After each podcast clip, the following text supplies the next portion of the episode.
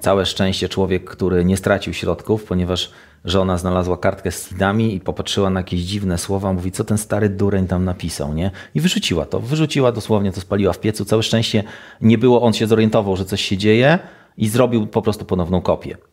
Musimy zrobić kopię naszego SIDA w taki sposób, żeby to przetrwało. Właśnie, przede wszystkim dostęp osób, e, dostęp osób trzecich, bo jeżeli żona nam spali tego SIDA, a urządzenie działa, to zawsze możemy kopię wykonać ponownie.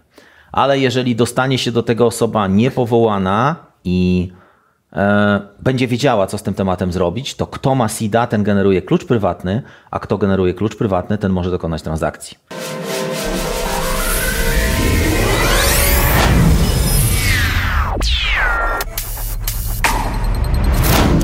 Mecenasem kanału jest Mennica Skarbowa SA, lider polskiego rynku złota oraz platforma do tokenizacji Mozaiko.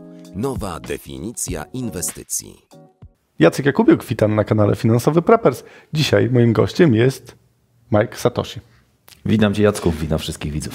E, w zasadzie kryptowaluty. Ten temat się z Tobą kojarzy.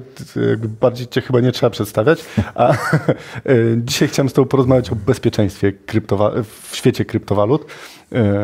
W tym odcinku poruszymy zagadnienie, jak w ogóle kupić bezpiecznie, bo dużo się słyszy różnych historii, że ktoś kupił, zapomniał hasła i nie ma, albo z, y, że daje bardzo duże pieniądze na znalezienie laptopa na śmietniku. Y, jest dużo jakichś takich dziwnych sytuacji, które w zasadzie się rzadko zdarzały w świecie finansów wcześniej. Y, dopiero jak weszły kryptowaluty, jakie zagrożenia się pojawiły i jakie zagrożenia najczęściej trafiają się użytkownikom? Mm, powiedziałbym, że tutaj moglibyśmy to na parę grup e, podzielić. W kryptowalutach tak de facto jesteśmy własnym bankiem. My odpowiedziamy, my jesteśmy, mamy tą wolność, czyli nikt nam tych środków nie zabierze, ale jednocześnie, jednocześnie odpowiadamy za wszystkie błędy, które popełnimy. Przyzwyczailiśmy się trochę do tradycyjnego systemu bankowego, w którym jak puścimy przelew nie tam, gdzie trzeba, to dzwonimy do banku, mówimy, słuchajcie, no pomyliłem się, cofnijcie te pieniądze. No i bank cofa przelew i wszystko, nic się nie stało, być może jakaś tam opłata za nasz błąd. W kryptowalutach tak nie ma. W kryptowalutach, jeżeli wyślemy, pomylimy się, wyślemy nie na ten adres, wyślemy na adres smart kontraktu czy gdziekolwiek indziej, te środki albo przepadają, albo poszły do kogoś, kogo tak de facto nie znamy. To jest taka pierwsza grupa, czyli błędy ludzkie, gdzie właśnie wysłaliśmy nie tam, gdzie trzeba środki, zapomnieliśmy haseł, pomijam tutaj aspekt giełd, ponieważ giełdy są pośrednikiem i jako pośrednik, jeżeli stracimy dostęp, a byliśmy zweryfikowani, to możemy przejść procedurę odzyskania hasła i tak dalej, tak dalej, ale powiedzmy, mówimy o takich portfelach, które instalujemy sobie na komórkę, na, na komputer. E, tam jeżeli, stracimy, tam, jeżeli stracimy te środki, to generalnie środki przepadają. I stąd się wzięły właśnie te opowieści o tych laptopach na śmietnikach. Cofając się dalej w historii, kiedy był właściwie tylko Bitcoin, każdy mógł tego bitcoina kopać, nawet na zwykłym laptopie czy komputerze. Bitcoin właściwie nie miał wartości. Pierwsza taka transakcja to słynna bitcoinowe dwie pizze za 10 tysięcy bitcoinów. E, I w tamtych czasach, no, coś tam sobie kopałeś, coś tam się pikało w komputerze, nie miało to wartości, no kto na to zwracał uwagę. Okazało się, że ten komputer później gdzieś poszedł do lamusa, na poddasze, a później robiąc porządki stwierdziłeś, dobra, przydałoby się go wyrzucić na złom. I nagle po kilku latach okazuje się, że miałeś trochę tych kryptowalut, tego bitcoina, i okazuje się, że one są warte 10 milionów dolarów.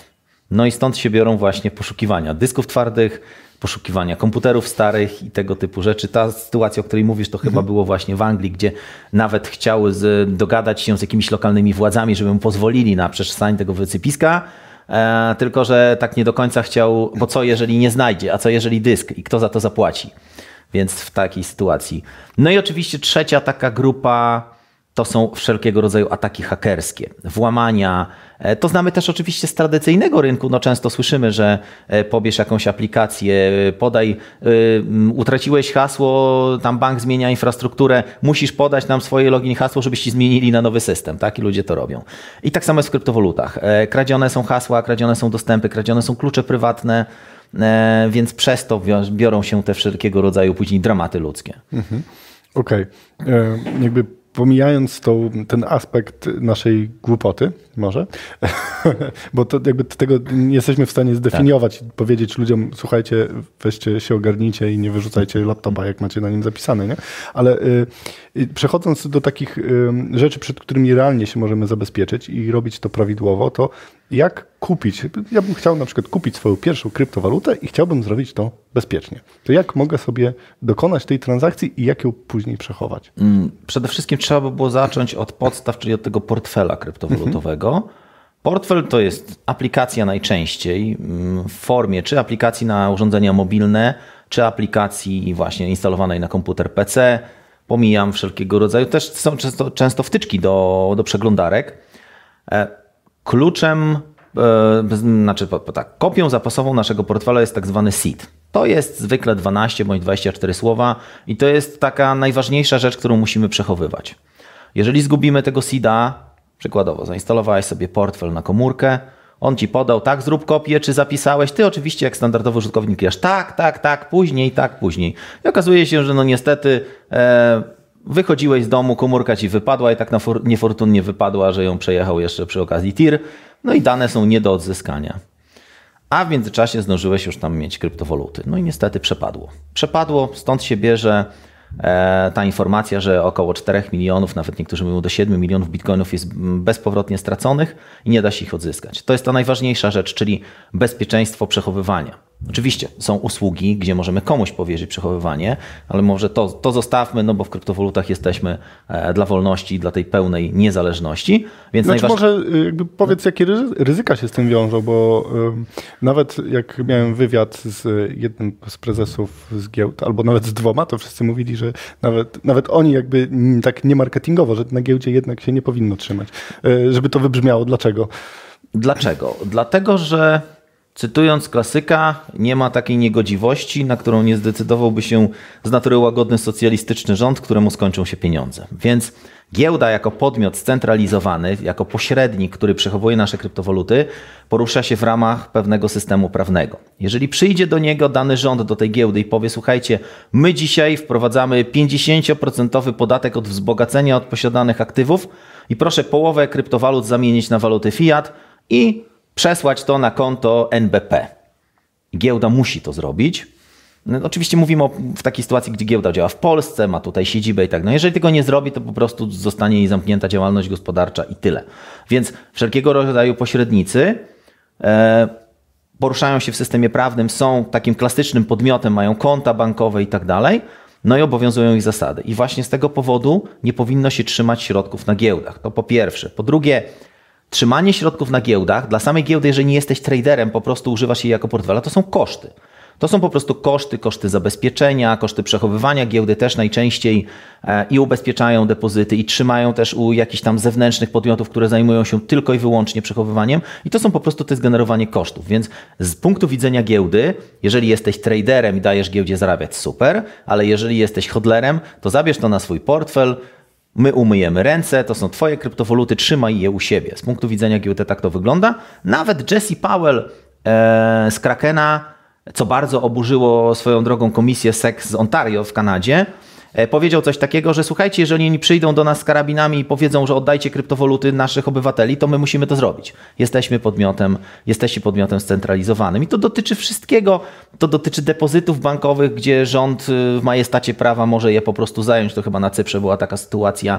Więc, więc Poranek cypryjski. Tak, tak, tak. Więc to są, e, to są te rzeczy, które E, to są te rzeczy, na które zwracamy uwagę i dlatego giełdy też wolą, żebyśmy trzymali to na własnym portfelu. Trzymamy na własnym portfelu, to zadbajmy o to bezpieczeństwo. To my jesteśmy naszym bankiem, nam tych środków nikt nie odbierze, bo nie jest w stanie, ale jednak ponosimy pełną odpowiedzialność za bezpieczne ich przechowywanie. I teraz wracając do tematu, który poruszyłeś, jak bezpiecznie kupić, w pierwszej kolejności zadbajmy o bezpieczeństwo naszego portfela. Czyli mhm. mamy... A czy, czy portfel y, powinien być właśnie jako aplikacja na telefonie, czy jako oddzielne urządzenie? Bo też wspomniałeś o tym, że często y, mamy, używamy telefonu do różnych dziwnych tak, rzeczy. Zgadza się. I często różne dziwne rzeczy nam się y, niechcący instalują, prawda? Mhm. I mogą nam właśnie wychwycić hasła. Czy jednak zdjąć to z urządzeń i mieć do tego dedykowane urządzenie, czy...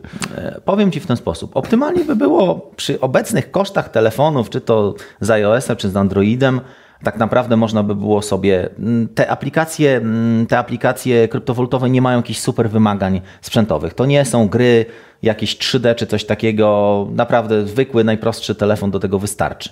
Więc optymalnie by było, szczególnie jeżeli posiadamy większe środki, akurat je pos- posiadamy e, w mm, postaci mobilnej, bo nie wiem, bo na przykład nie lubimy komputerów stacjonarnych, albo nie wiem, mamy laptopa, ale mamy go firmowego, nie mamy komputera stacjonarnego. Najlepiej, żeby to było oddzielne urządzenie. E, Na takim portfelu mobilnym, e, skąd się w ogóle wzięła potrzeba portfeli mobilnych? Chodzi o to, żeby tymi kryptowalutami płacić, żeby na bieżąco śledzić, móc, doko- móc dokonywać ruchów, zainstalować sobie aplikację do obsługi giełdy, siedzimy sobie w pubie, a tu nagle jest wystrzał, no to cyk, cyk, cyk, albo jest jakaś korekta, to kupujemy. E, Po to się to wzięło.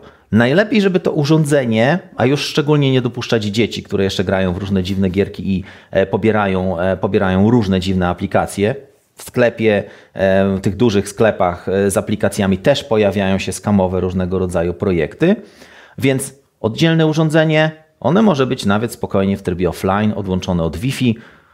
Jak nam potrzeba, to wtedy sobie je włączamy. W moim przypadku tutaj podam swój przykład. E, Ja osobiście do większych tych posiadam, poza tym, że posiadam portfele sprzętowe, to posiadam także oddzielny komputer, który służy mi tylko i wyłącznie właśnie do jakichś tam większych ruchów, wpłacania, a podręczne portfele mam na takim komputerze. Jak przepadną, no to trudno, no to, to ryzyko jest. Czyli tak? też y, jest dywersyfikacja sprzętowa. Tak, dywersyfikacja sprzętowa. Tak, jeżeli mamy dużo środków i ich nie ruszamy, no to czy to cold wallet tak zwany, czy portfel sprzętowy, super rozwiązanie, e, bądź komputer w trybie offline. Nie wnikając w jakieś bardzo techniczne szczegóły, ale jesteśmy w stanie teoretycznie e, dokonać transakcji, podpisać transakcję na portfelu, na komputerze, który jest całkowicie odpięty od sieci internet, a opublikować ją, rozgłosić ją w sieci na komputerze, który jest dos- dostępny do internetu. Więc tutaj mamy bardzo duże możliwości, no ale to jest poza zasięgiem takich powiedzmy zwykłych kowalskich. Dobra, to jakby wróćmy trochę na ziemię, do mniejszych portfeli i bardziej do, e, do widzów. Chcemy kupić tą pierwszą kryptowalutę. E, Mamy telefon, który wydaje się, że jest czysty, mamy ściągniętą aplikację i wtedy No i teraz możemy, mamy do wyboru parę możliwości. Możemy sobie pójść do bitomatu. To wygląda jak zwykły bankomat. Polega to po prostu na tym, że jeżeli chcemy kupić kryptowalutę, musimy wpłacić gotówkę e, i dostajemy, podajemy swój, e, podajemy swój e, adres portfela, wpłacamy gotówkę. Najczęściej jest podajnik do wpłaty banknotów dostajemy przelewem, dostajemy przelewem kryptowaluty do 1000 euro. Jest to całkowicie anonimowe, ta transakcja nigdzie nie jest zapisana. Do 15 tysięcy euro jest weryfikacja tożsamości, powyżej 15 tysięcy euro trafia to już do GIF-u wtedy transakcja, że my kupiliśmy za tyle kryptowaluty. To jest taka najprostsza, no ale jednocześnie najdroższa. Najdroższa Oczywiście możemy to też zrobić w kantorze stacjonarnym. Działa to dokładnie tak samo, tylko mamy do czynienia z żywym człowiekiem. Kupujemy kryptowalutę, dajemy mu gotówkę, on przelewa na nasz adres, dochodzi do transakcji. Te kantory są już w tej chwili licencjonowane, mają odpowiednie licencje, także nie ma żadnego problemu. Oczywiście to nie znaczy, że komuś gdzieś tam w ciemnej uliczce, e, jak krzyknie kup bitcoina w dobrej cenie, to nie znaczy, że pomożemy bez bitcoina, bez telefonu, bez portfela i bez, i bez pieniędzy zakończyć. Także e, to jest pierwsze rozwiązanie. E, Drugim rozwiązaniem są na przykład na stronach internetowych widgety różnego rodzaju, gdzie podajemy swój adres, nie reklamując nikogo, są różnego rodzaju widgety, wpisujemy ile chcemy kupić bitcoina, możemy zapłacić blikiem na przykład, na swój portfel dostajemy tego bitcoina. Możemy użyć aplikacji giełdowej i czy samej wręcz giełdy, bo to jest jedno i to samo.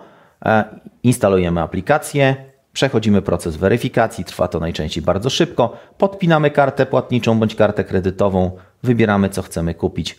Na aplikacji ona ma już budowany portfel, dostajemy nasze kryptowaluty.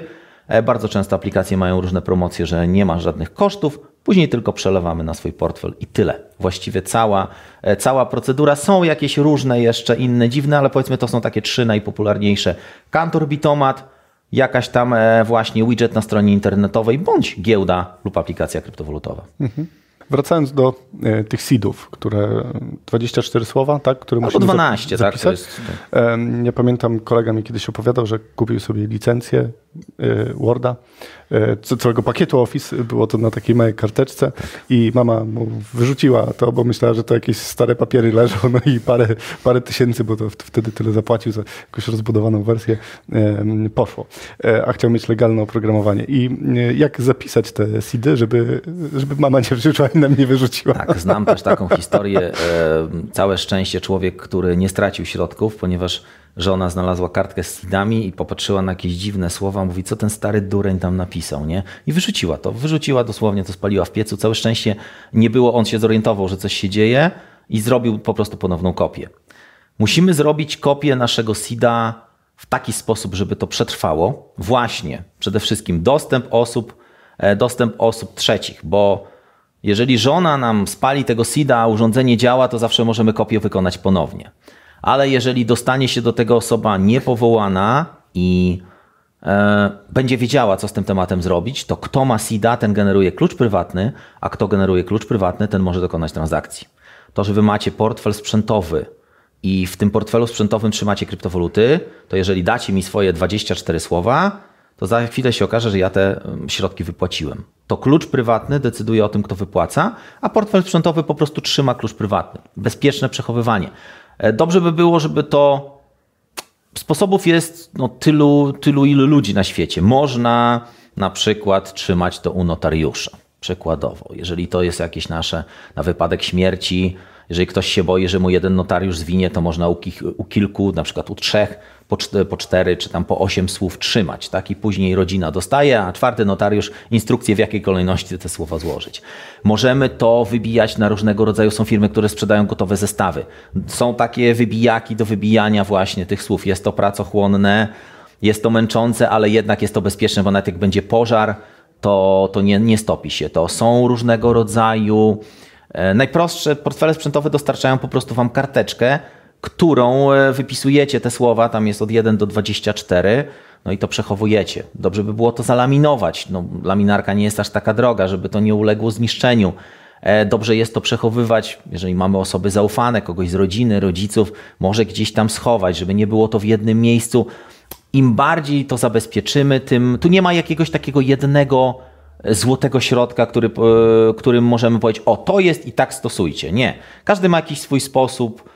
E, Jak ktoś ma ochotę, to może teoretycznie zakopać skrzynkę z seedem gdzieś pod drzewem, tak jak czasami prepersi Ale się czy, czy to bardziej polecasz trzymać fizycznie gdzieś zapisane, czy na przykład trzymanie w chmurze na jakimś dysku Google, czy Nie, nie, nie, Dropboxie, nie, nie, czy... nie, nie, nie. W żadnych Dropboxach, w żadnych chmurach. Po to jesteśmy zdecentralizowani, żeby nie dawać żadnemu Google'owi. No, no co tu dużo nie mówić, no Google ma dostęp do wszystkich danych na dyskach Google, tak? Więc e, z mojego punktu widzenia absolutnie żadne Dropboxy, żadne, żadne też, e, jak to się mówi, Google dyski, nie tatuujmy sobie tego na ciele też, więc, więc nie. Lepiej, lepiej zróbmy to w tradycyjnej formie. Czy to w formie właśnie wybicia to w jakimś metalu, który na wypadek pożaru będzie odporny, czy w formie dywersyfikacji na zasadzie zrobienia dwóch, dwóch trzech kopii, przechowania tego w różnych miejscach, tak żeby to nie zginęło. E, No i też możemy tutaj podzielić, także przykładowo mamy to w domu w sejfie. Mamy to w domu w sejfie, on jest zabezpieczony przed pożarem i tak dalej, no ale złodzieje sejf otworzyli. No i znajdują SIDA i się okazuje, że większość majątku przepadła. No to może nie trzymajmy wszystkich 24 słów. Jeżeli ktoś znajdzie 12 słów, to dalej życzę mu powiedzenia. Pamiętajcie, że to jest 2 do 256, więc dalej życzę mu powiedzenia w odgadnięciu tego, tego naszego pozostałych słów. Słownik jest stały, więc tu nie ma żadnego problemu. Nie twórzmy żadnych historyjek z tych słów, to od razu trzeba przestrzec bo takie rzeczy, jakieś cytaty z książek, to jest pewien słownik, ale da się z tego ułożyć historię. Takie historie w pierwszej kolejności są sprawdzane. Choć tych kombinacji jest, tak jak powiedziałem, 2 do potęgi 256, to mimo wszystko w pierwszej kolejności różne jakieś cytaty z książek i tak dalej są sprawdzane. Nie, to musi być wygenerowane losowo. Jak mawia Rafał Kiełbus, człowiek nie jest dobrym źródłem entropii. Także generujmy to losowo i przechowujmy to w sposób bezpieczny. A jaki sposób uznamy za bezpieczny, no to już zależy od nas. Okej, czyli hasła powinny być pozbawione sensu Tak. e, i logiki. E, czy są jeszcze jakieś takie punkty, na które byś chciał mocniej zwrócić uwagę, e, jeżeli chodzi o trzymanie kryptowalut? E, przede wszystkim jeśli chodzi o same przechowywanie kryptowalut, to pamiętajcie, że hakerzy nie śpią. To jest bardzo ważna sprawa, e, ponieważ przelanie kryptowalut jest bardzo proste. Portfele nie są weryfikowane, więc jeżeli ktoś kradnie nasze środki, to my nie wiemy kto. Wiemy tylko, że to trafiło, możemy później ewentualnie śledzić, że te środki sobie gdzieś wędrują. E, a hakerzy przede wszystkim pierwsze, to co jest też na rynku tradycyjnym, dostajemy różnego rodzaju fałszywe maile. E, ja też osobiście dostaję. E, są też często wycieki baz danych. No była wycie, był wyciek bazy danej z portfela Ledger. Tam było o tyle gorzej, że też adresy wyciekły, więc zaczęliśmy dostawać nawet listy. Ja bardzo dużo telefonów z różnych zagranicznych numerów oferujących mi cudowne inwestycje w kryptowaluty. Teraz świeżo, dosłownie na dniach był wyciek mailowej, samej mailowej bazy danych od Trezora czyli drugi portfel e, sprzętowy, a więc też będziemy dostawać różnego rodzaju maile. E, słuchajcie, nie ma żadnych cudownych e, sposobów na zarabianie. Te firmy nie piszą do Was i nie oferują Wam, wyślij nam jednego bitcoina, dostaniemy dwa. Nie, nie, nie, to tak nie działa. To są wszelkiego rodzaju oszustwa. Jeżeli dostajecie maila od Metamaska, najpopularniejszy portfel przeglądarkowy do Ethereum, i mówi o tym, że E, no teraz jest zmiana, wprowadzamy KYC portfeli, musisz wysłać nam naszego SIDA, e, naszego SIDA, bo my musimy tam coś tam wprowadzić. Nie, nigdy nikomu nie wysyłamy naszego SIDA. No chyba, że żonie ufamy na tyle, że możemy jej powiedzieć naszego SIDA, tak, i że ona nie, nie przekaże, lub w drugą stronę mężowi, tak, bo w kryptowalutach też są kobiety. E, więc nigdy nikomu, nigdy nikomu nie wpisujemy tego nigdzie, Poza oczywiście kontrolowanymi sytuacjami, gdzie na przykład przywracamy portfel. I też jeszcze podkreślę od razu odnośnie portfeli sprzętowych. W przypadku portfeli sprzętowych słowa wpisujemy tylko i wyłącznie z poziomu portfela. Nigdy nie wpisujemy tego w przeglądarce, w aplikacji, tylko i wyłącznie z poziomu portfela. To jest taka zasada, o której ludzie nie wiedzą. I to jest pierwsza sprawa, te e, fałszywe maile. Bardzo często też w mailach wysyłane są różnego rodzaju linki do pobrania jakiejś nowej wersji aplikacji i tak dalej. Nie, te aplikacje są tak stworzone, że jak jest nowa wersja, to ona się sama aktualizuje, najczęściej pyta, czy chcesz zaktualizować do nowej, tak jak z przeglądarkami. Tak? Wy nawet nie wiesz, wyszła nowa wersja, dostajesz okienko, że nowa wersja przeglądarki została zaktualizowana, można to wyłączyć.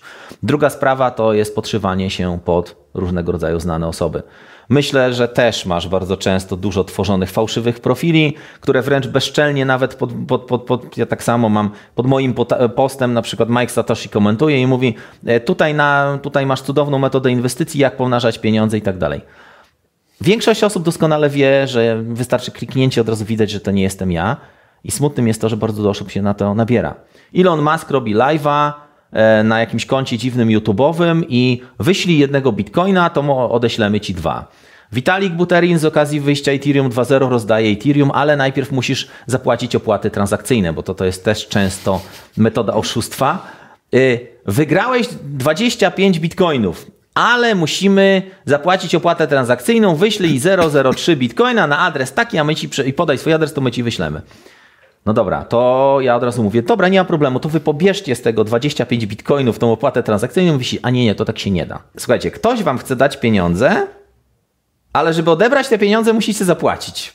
No to powinna się od razu zapalić czerwona lampka. Nie bądźcie tą babcią, do której dzwoni policja i mówi, że za chwilę zostanie okradziona, niech wyrzuci pieniądze przez okno, bo to tak można porównać, tak? No słynna sytuacja. No, słuchaj, wydaje się to śmieszne, ale ludzie się na takie rzeczy nabierają. E, od, odnosząc się do mojego przypadku, mojej rodziny, ja naprawdę wiele razy musiałem mojemu ojcu tłumaczyć, że żaden kulczyk nie rozdaje pieniędzy, e, żaden inny człowiek nie rozdaje pieniędzy, bo e, i nie, nie, nie żąda najpierw żadnej wpłaty. Dopiero chyba za piątym razem zrozumiał, że faktycznie no chyba jest coś nie tak, chyba to są oszuści, tak? więc, więc no, a to jest powszechne na rynku kryptowalut i stąd się piorą później, że ktoś tam wypuścił jakiś fałszywy, fałszywy token i udało mu się już zebrać na przykład 2,5 miliona dolarów, ludzie kupili, tak? No bo to nowy perspektywiczny coin, Tesla wypuszcza, Tesla wypuszcza swojego coina, no bo Elon Musk kupił Bitcoina, mhm. więc ani fałszywe maile, ani słynne osoby nie będą do Was pisać. Bardzo często, jeżeli jesteście na grupach telegramowych, to nawet, nawet w nazwach użytkowników, czy tam w tych, tych e, wyświetlanych, e, zespół ma napisane, że ja do ciebie pierwszy nie napiszę. Na Twitterze konta bardzo często, właśnie oficjalne, nie napiszemy do ciebie pierwsi. Ty się do nas odezwij, zweryfikuj, że my to my, a dopiero wtedy my ci odpowiemy. Nie wyślemy do ciebie żadnej cudownej oferty finansowej. Dokładnie tak. O weryfikacji projektów powiemy sobie z Majkiem w następnym odcinku. A na koniec mamy taką tradycję, że każdy z gości ma taką złotą myśl dla naszych finansowych prepersów. Kamera jest twoja. To ja chyba użyję swojego, użyję chyba swojego słynnego przysłowia, tak?